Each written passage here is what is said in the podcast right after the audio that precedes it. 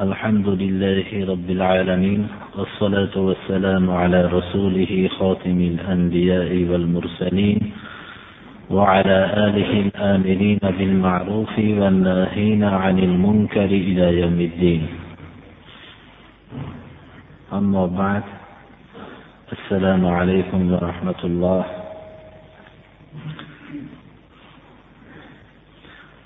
qur'oni karimdan davom etib turgan darsimiz surai baqara tamom bo'lganida inshaalloh allohni madadi bilan surai oli imrondan davom ettiramiz عن النواس بن سمعان رضي الله عنه قال سمعت رسول الله صلى الله عليه وسلم يقول يؤتى يوم القيامة بالقرآن وأهله الذين كانوا يعملون به في الدنيا. تقدمه سورة البقرة وآل إمران. تحاجان عن صاحبهما. إمام مسلم رواية qilganlar navvos ibn samon roziyallohu anhudan rivoyat qilinadiki surai baqara va surai oli imron fazilatlari haqida rasululloh sollallohu alayhi vasallamdan eshitdim deydilar bu zot. Aytganliklarini qiyomat kuni qur'on va qur'on ahllariki dunyoda qur'onga amal qilgan kishilarni olib kelinadi.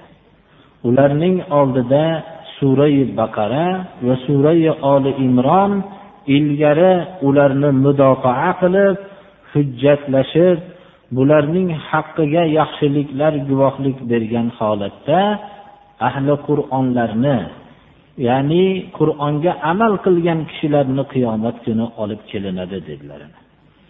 Surai oli imron haqidagi bo'lgan va surai baqara haqidagi bo'lgan mana bu hadis sharif shuni ko'rsatadiki surai baqarada surai oli imronda islom aqidasini va islom shariatining hamma asoslari aqida va shariat ko'p shariatga taalluq topuvchi ahkomlarning hammasi bayon qilinganligi va bu suralarning nihoyatda hammasini ham o'rganishlik yaxshi ammo bu suralarni o'rganishlik islom haqidagi umumiy tasavvurni kishiga bag'ishlashligiga ishorat bo'lyapti alhamdulillahi robbil alamin. Surai baqarani baqadri hol o'rganib o'tgan bo'ldik. Inshaalloh allohni madadi bilan surai oli imronni boshlaymiz. Surai oli imron janobi rasululloh sollallohu alayhi vasallam madinai munavvarada turganlardan nozil bo'lgan. Ikki yuz oyatni tashkil qiladi.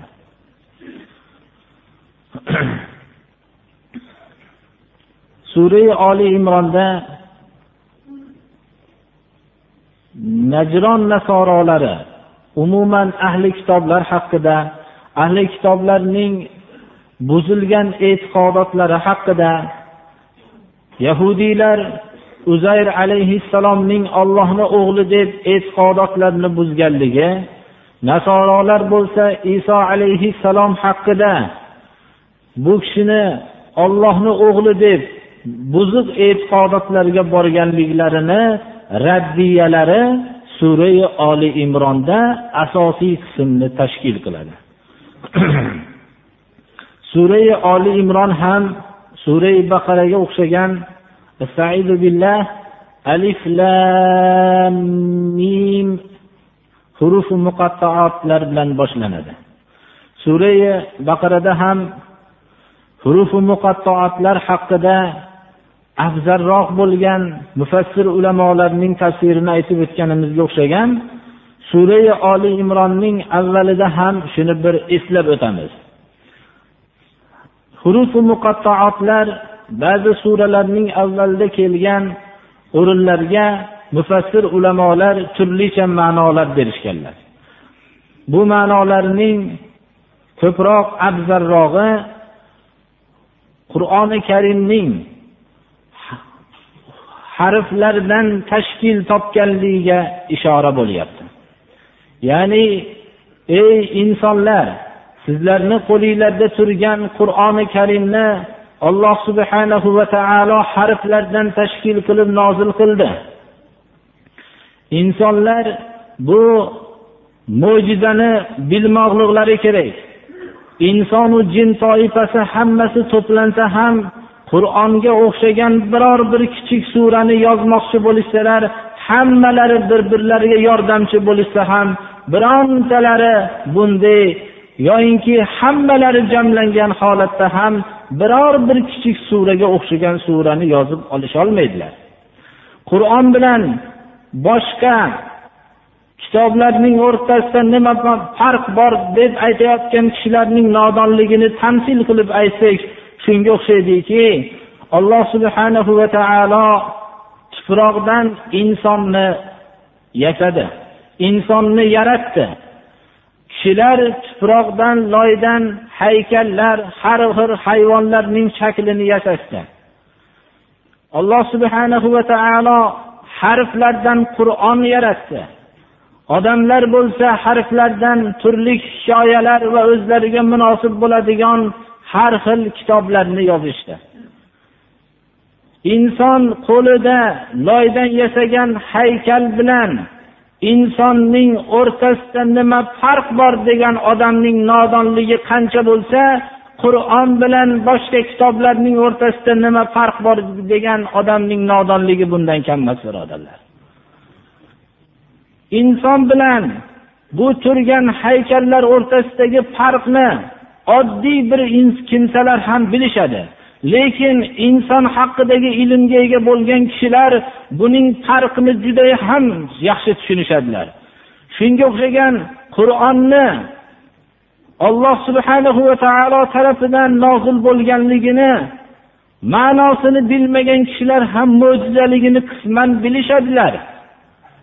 Ammo qur'onning sirlarini baqadir hol bilgan kishilar qur'onning mo'jizaviy sirlarini hammasini juda ko'p miqdorda bilishadilar ana insonlar bilan insonlar yasagan haykal o'rtasidagi farqning qancha kattaligi hammaga ham ma'lum lekin olimlarga juda katta ma'lumdir. Qur'on bilan boshqa kitoblarning o'rtasidagi farq ham ana shunga tamsilga o'xshab ko'rsatilyaptiki huruflarning alif lam mim kalimasi. Ey insonlar bu qur'on harflardan tashkil topgan harflardan alloh taolo mo'jiza qilib yaratdi. Sizlar bunday harflardan hikoyalar va boshqa o'zinglarga munosib bo'lgan kitoblarni yozdinglar. Qur'on bilan bu boshqa kitoblarning o'rtasidagi farq olloh bilan insonlar o'rtasidagi farqqa o'xshagan. Va hamda insonlar yasagan haykal bilan olloh yasagan insonning o'rtasidagi farqqa o'xshagandir ana. Mana bu ishora aksar mufassirlarga manzur bo'lgan ishoradir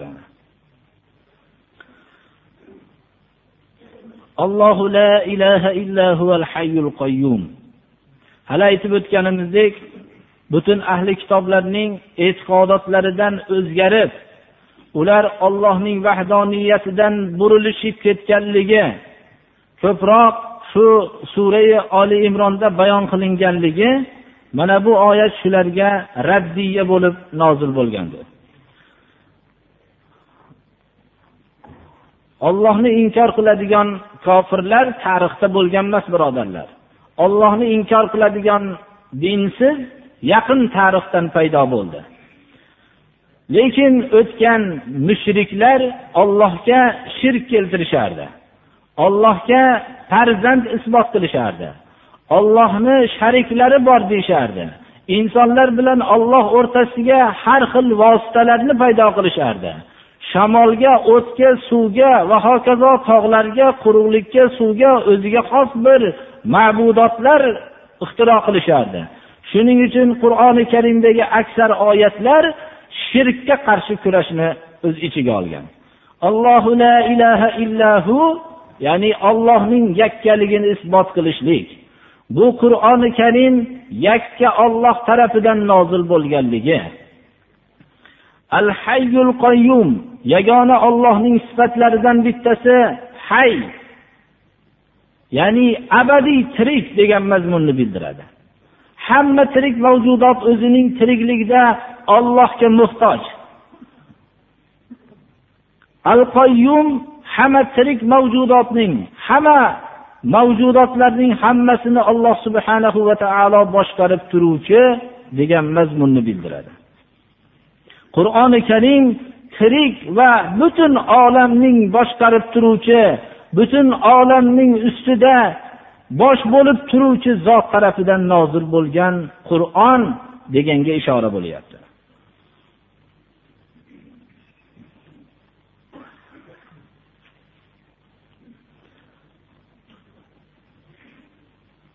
نزل عليك الكتاب بالحق مصدقا لما بين يديه وأنزل التوراة والإنجيل من قبل هدى للناس وأنزل الفرقان إن الذين كفروا بآيات الله لهم عذاب شديد والله عزيز ذو انتقام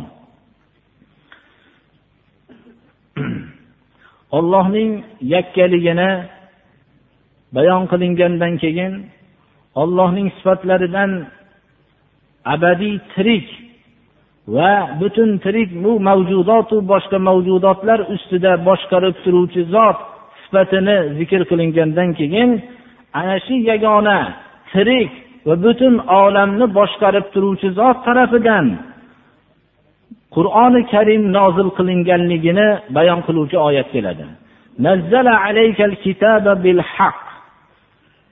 Rasululloh sollallohu alayhi vasallam qur'onni alloh subhanahu va taolo tarafidan olib kelganliklarini o'zlariga qur'on vahiy qilinganligini e'lon qilinganda mushriklar har bir davrdagi dinsizlar mushriklarga o'xshagan u kishini inkor qilishardilar. Qur'onni o'zi yozib olgan deyishardi. Jinlar vositasi bilan yozib olyapti deyishardi. Alloh subhanahu va taolo tarafidan jo'natilingan payg'ambar sollallohu alayhi vasallamga bu so'zlar qattiq muborak qalblariga ta'sir ko'rsatardi. Alloh subhanahu va taolo tarafidan bu kishini xotirlarini taskin berishlik uchun mana bunday oyatlar nozil bo'lardi. Sizga qur'onni haq bilan alloh subhanahu va taolo tushirdi. Bu qur'ondan ahli kitoblarning ajablanishligi o'zi ajab ishdir. Chunki qur'on rasululloh sollallohu alayhi vasallamga nozil qilingan qur'ondan ilgarigi kitoblarni ya'ni osmoniy kitoblarni tavrot injil zaburlarni hammasini tasdiqlagan holatda kelgan edi. Ahli kitoblarning bu o'tgan tavrot injil zaburlarni tasdiqlovchi kitobga iymon keltirmasdan ularga u o'tgan kitoblarga iymon keltirishligi hech qanday bir mantiqqa to'g'ri kelmaydigan dedi. Undan tashqari butun insonlar tarafidan olib kelingan yo'llar hammasi o'tgan kishilarning o'zidan o'tgan odamlarning yo'llarini hammasini bir bekor qilib turib o'zlarini o'rnatishadilar.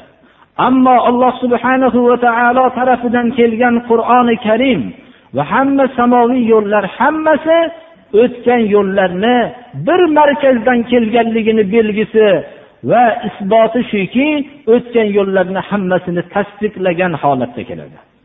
Shuning uchun doim qur'oni karimning nuzuli haqida o'zidan ilgarigi kitoblarni tasdiqlovchi holatda alloh subhanahu va taolo tushirdi.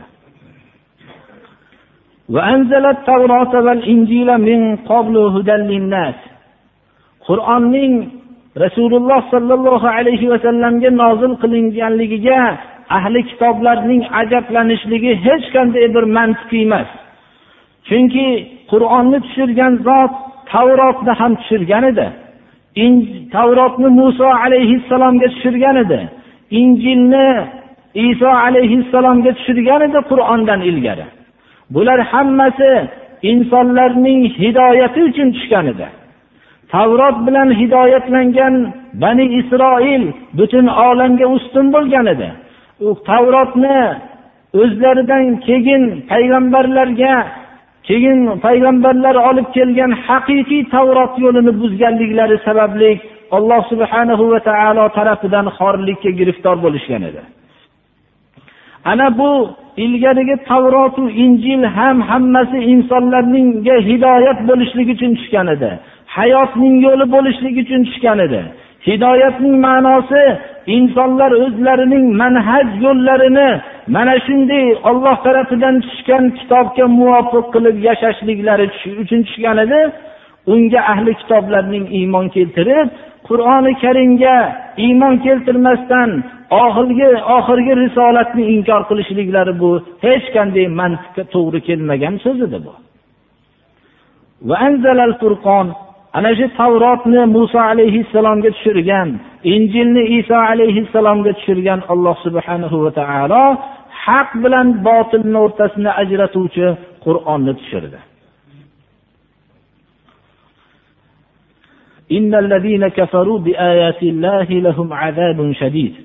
Alloh subhanahu va taolo har bir so'zni hujjatni barpo qilgandan keyin bu qur'onga ollohning oyatlariga kofir bo'lganlarni qattiq bir oxirat azobidan qo'rqityapti.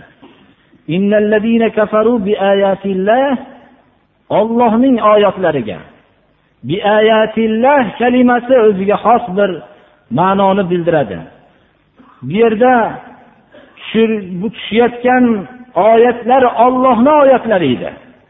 Ollohni oyatlariga kofir bo'lganlarga qattiq azob bordir qattiq azobni borligidan qattiq azobga borligidan qo'rqmagan kofirlar shuni yaxshi bilishsinki vallohu azizun zuntiqom olloh qudratli zotdir. Qattiq azob berishlikka qodirdir. O'zining oyatlarini buyuk oyatlarini zaif insonlarga nozil qilib ularning hayot yo'llarini ko'rsatsa oxiratdagi azoblardan ogohlantirsa bunga ogohlanmagan kofirlarga olloh qudratlidir va o'ch oluvchi zotdir vallohu azizun ya'ni olloh o'zi qattiq azob berishlikka qodirligiga ishora qilyapti. Va shu bilan birga bulardan o'ch oluvchi zotdir deb insonlarni ollohni oyatlariga iymon keltirmagan insonlarga o'zining qudratli va o'ch oluvchi ekanligini bildiryapti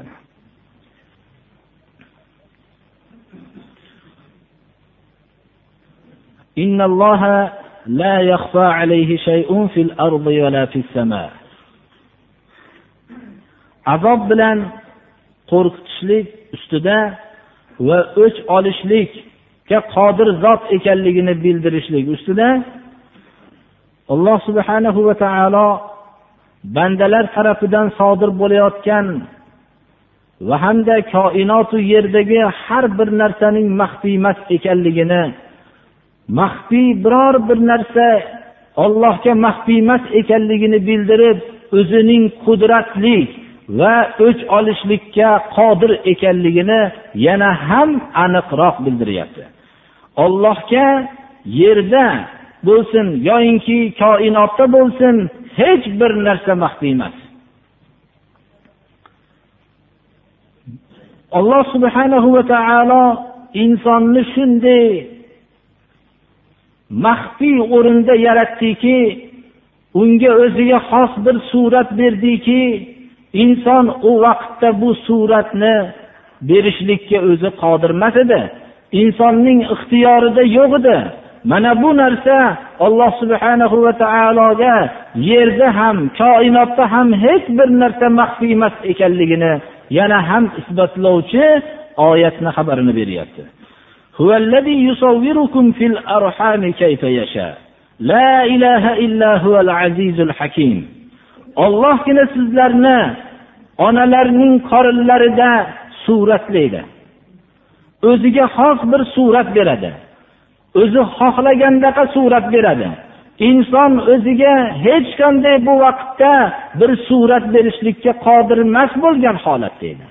Hatto shunday g'ayb olamida insonning surati qanday bo'lishligi hech kimga ma'lum emas o'rinlarda alloh subhanahu va taolo sizlarning suratinglarni xohlagandaqa suratlaydi. Bu narsa ollohning yakkaligiga dalolat qiladi va hamda qudratlik ekanligiga dalolat qiladi va hamda olloh o'zi hakim ekanligiga. Insonga surat berayotgan vaqtda inson ko'zga faqat shu yuzining oldi tarafida turishligiga muhtoj bo'lishligini qo'liga muhtoj bo'lishlik shu turgan shaklda bo'lishligini uning eshituvchi a'zolari qayerda bo'lishligini biluvchi hakim zot ekanligiga dalolat qiladi. Alloh subhanahu va taolo insonni yaratdi. Insonni yaratgan vaqtda inson kelajak hayotida bu a'zolarga qaysi o'rinda muhtoj bo'lishligini o'zi bildi. Insonning ko'zini qornida qilib qo'ymadi. Insonning eshitish a'zosini boshqa yerga qo'yib qo'ymadi. Bu a'zolar hammasi qayerda insonga muhtoj bo'lishligini bilib hali insonning hech qanday ehtiyori ixtiyori yo'q bo'lgan vaqtda alloh subhanahu va taolo ona qornida ana shu suratni berdi. Bu ollohning yakkaligiga va hamda qudratligiga va allohning hakimligiga dalolat qiladi. La ilaha illa huval azizul hakim.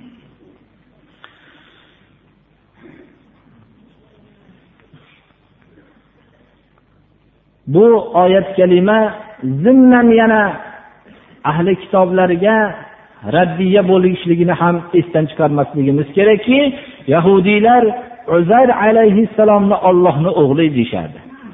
Alloh subhanahu va taolo uzayr alayhissalomni onani qornida yaratdi. U inson edi u kishi. U kishining u kishi o'ziga xos bir ubudiyat egasi edi. Ollohni o'g'li deyishinglar bu mutlaqo islomiy tasavvurga zid. Iso alayhissalomni ham alloh taolo o'zi yaratgan edi o'zi surat bergan edi. Suratlangan va hamda olloh tarafidan bu narsalarni qabul qilgan maxluq iloh bo'lishlikka yaramaydi bu. Ana bu narsalarga ham la ilaha illahu azizul hakim ahli kitoblarning buzuq e'tiqodotlariga raddiyani zimdan o'z ichiga oladi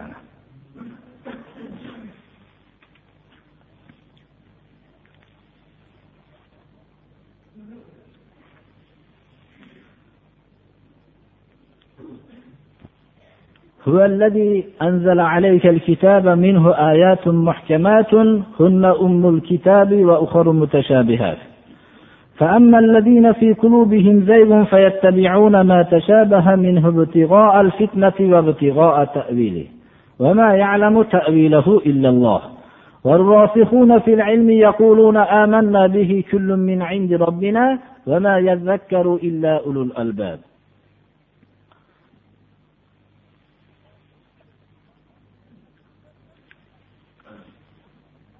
الله سبحانه وتعالى rasululloh sollallohu alayhi vasallamga qur'oni karimni nozil qilganligini minnat qilib va bu nozil qilingan qur'onning asosiy qismini muhkam oyatlar dalolati ochiq bo'lgan oyatlar tashkil qilishligini va boshqa shu bilan birga g'aybiy ishlar haqida bo'lgan ham bo'lgan xabarlar bo'lgan oyatlarni ham tashkil qilishligini bu oyatlar oyati mutashobihotlar oyati mutashobihotlar bir necha tavilga ehtimoli bo'lganligi uchun bularni hammasini insonga bilish miqdoridagina alloh taolo xabar berganligi va inson alloh robbil alamin tarafidan o'zining tarbiyat kunandasi tarafidan kelganligi uchun buni ana shu so'zlarni o'zi bilan qabul qilishligiga bo'lgan ishorani va ba'zi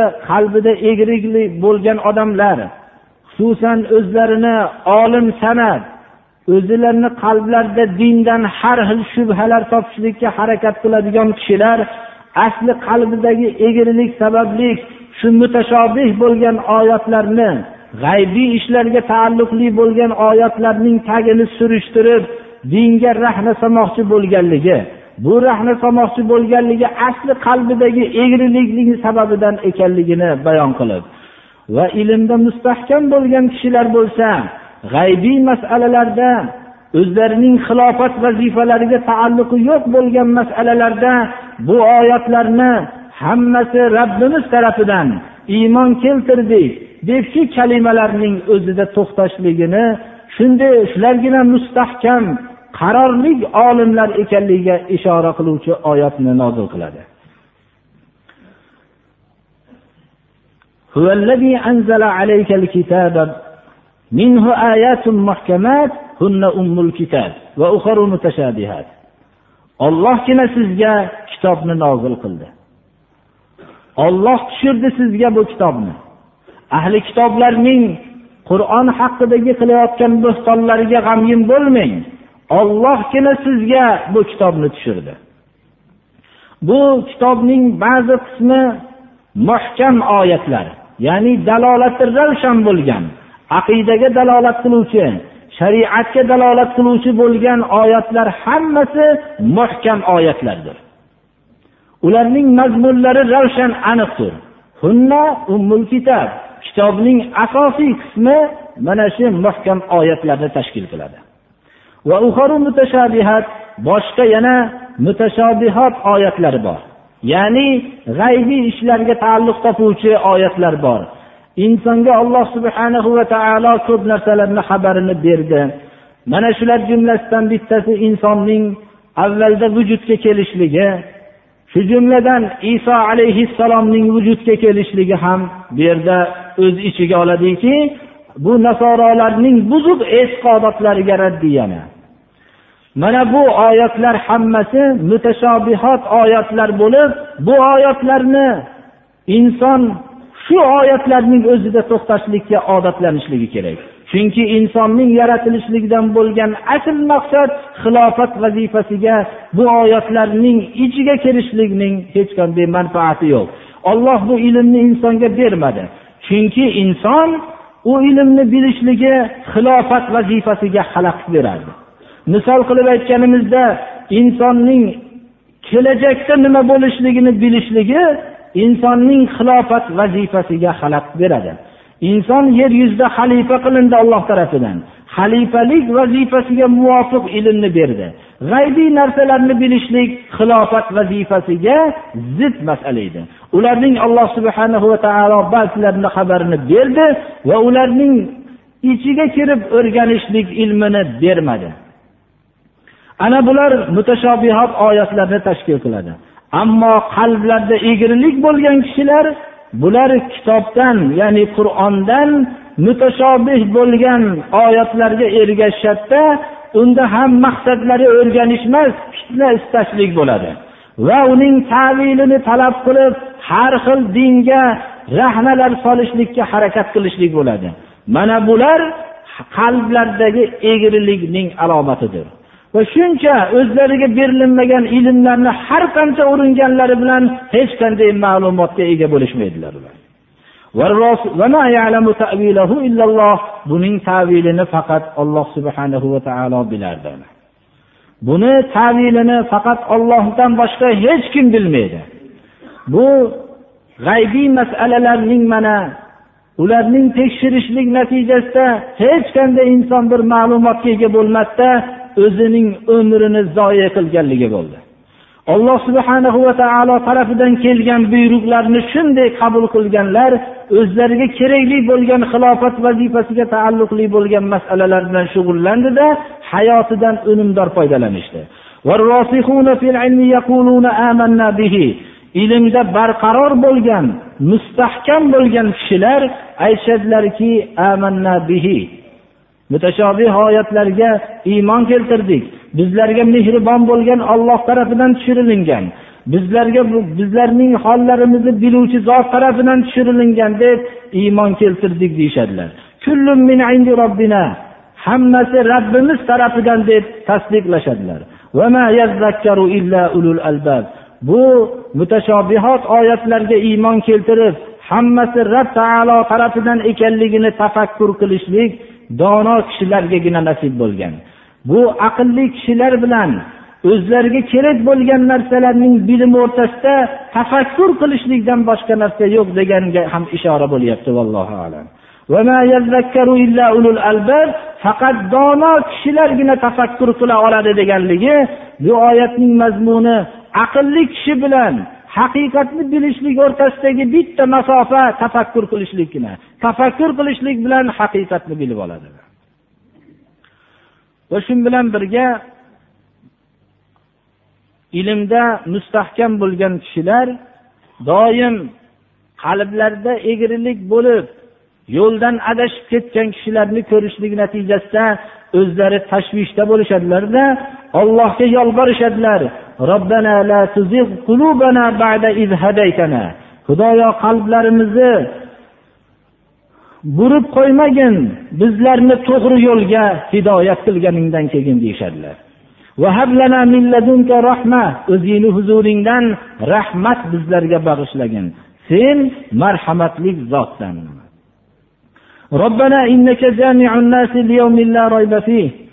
Yana sig'inishadilarki qiyomat kunida hamma odamlarning jamlovchi bo'lgan zotdan qo'rqishadilar. Xudoyo sen hamma odamlarni jamlovchisan kelishligida shubha bo'lmagan kunda ya'ni qiyomat kunida hamma odam alayhissalomdan tortib qiyomatgacha bo'lgan bashariyatni hammasini jamlovchisan.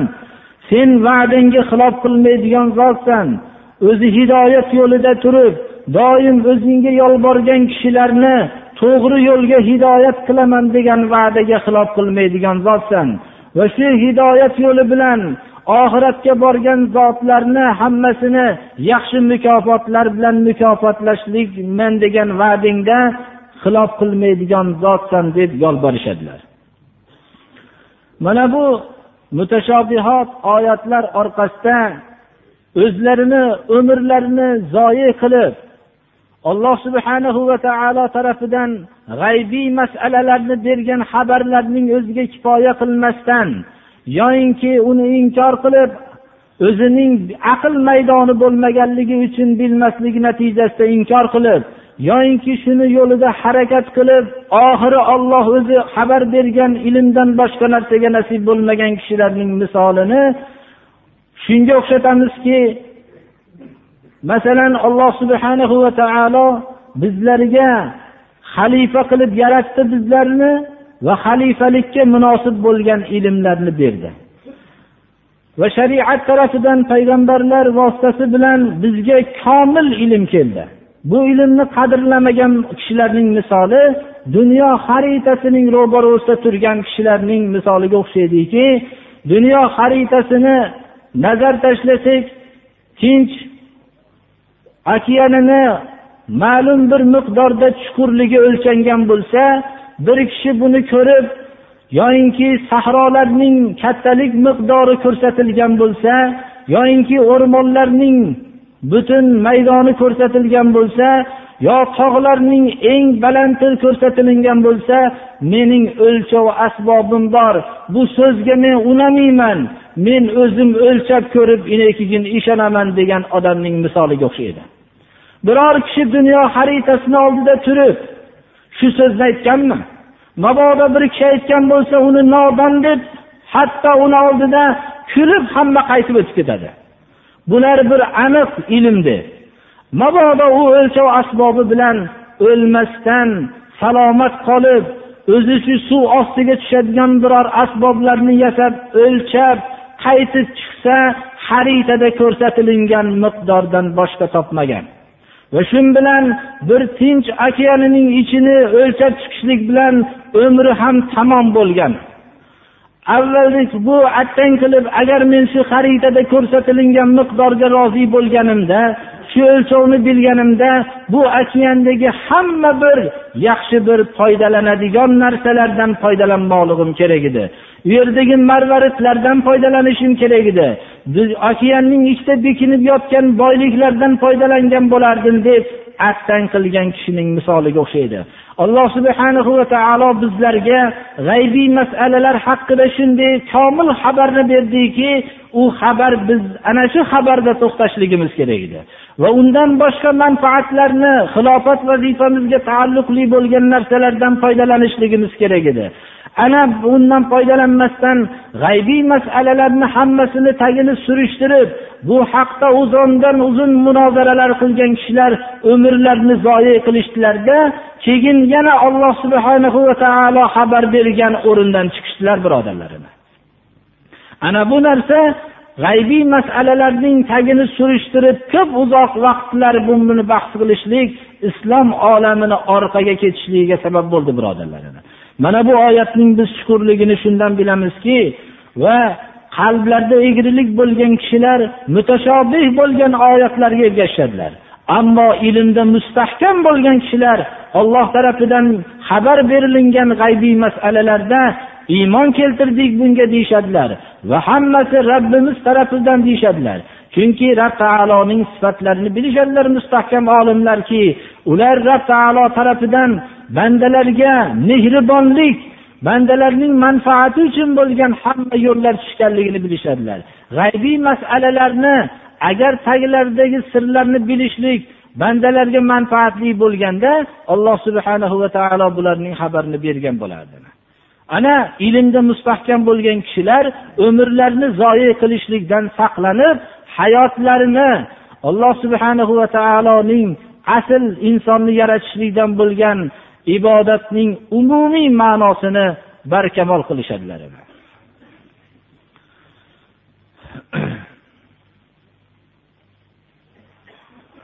salom berish haqida so'rabdilar peshinda nihoyatda bemalol keng suratda bayon qildik birodarlar. Eski turkiy alifboda masalan ro'znoma oynomalarda bo'lgan yangiliklar hikoyalarni o'qishni orzu qilamiz deydilar. Buni endi albatta shu bizni masalan birodarlar bizni harfimiz bir necha marta o'zgardi. Arab harfidan o'qib yurardik bu narsani lotin harfiga o'rgatildi. Shu bilan biz hamma allomalarimiz ilmsiz bo'lib qoldi. Shu bilan savodsizlikni tugatish deb lotin harfini shu yo'lga shu lotin harfini o'rganishlikka olimlar ham muhtoj bo'lishib qoldi. Undan keyin boshqa alfoga e, o'zgartirildi. Unda ham odamlar bu shu ilmsiz bo'lib qolib savodsizlikni tugatish deb allomalar ham savodsiz deb e'tibor qilingan bo'ldi. Albatta bir harfni uslubini bilmagandan keyin boshqa harfni bilmagan odam u hech qanday savodsiz bo'lib qolmaydida u narsa. Shu yo'llar bilan xullas bizning xalqimiz ilmsiz deb ko'p e'tiborga shunday bo'lib qolganligi sababli harflar o'zgarib ketgan. Endi alloh subhanahu va taoloning madadi bilan inshaalloh xalqlar ham talab qilyapti o'zlarining alaf alibbolarida bo'lishligini alloh taolo shunga muyassar qilsin. Tahajjud namozini bir aytib berganimizdek bir narsa tushunmovchilik bo'lgan bo'lsa vitr namozini keyin o'qilinganligi bu saharda turishligi muqarrar bo'lgan kishilar vitrni saharda turib o'qishadilar. Xuftondan keyin o'qishmaydilar. Ikki rakatdan to'rt rakatdan o'qishlik mumkin mana masalan. Qanday qilib bo'lib o'qilinadi deb so'rabdilar tahajjudda ikki rakat yoki to'rt rakatdan o'qilinaveradi. Oxirgi shunda vitrni o'qimagan bo'lsa oxirida uch rakat vitrni o'qiydi ho'p duo qiling debdilar biz ko'p maqsadlarni alloh taolo shu maqsadlarni alloh taolo shariatga muvaffaq qilib bersin اهدنا الصراط المستقيم صراط الذين أنعمت عليهم غير المغضوب عليهم ولا الضالين alloh taolo hammamizni ham gunohlarimizni mag'firat qilsin ibodatlarimizni qabul qilsin ربنا ظلمنا أنفسنا وإن لم تغفر لنا وترحمنا لنكونن من الخاسرين. وصلى الله ربنا اغفر لنا ولإخواننا الذين سبقونا بالإيمان ولا تجعل في قلوبنا غلا للذين آمنوا. ربنا إنك رؤوف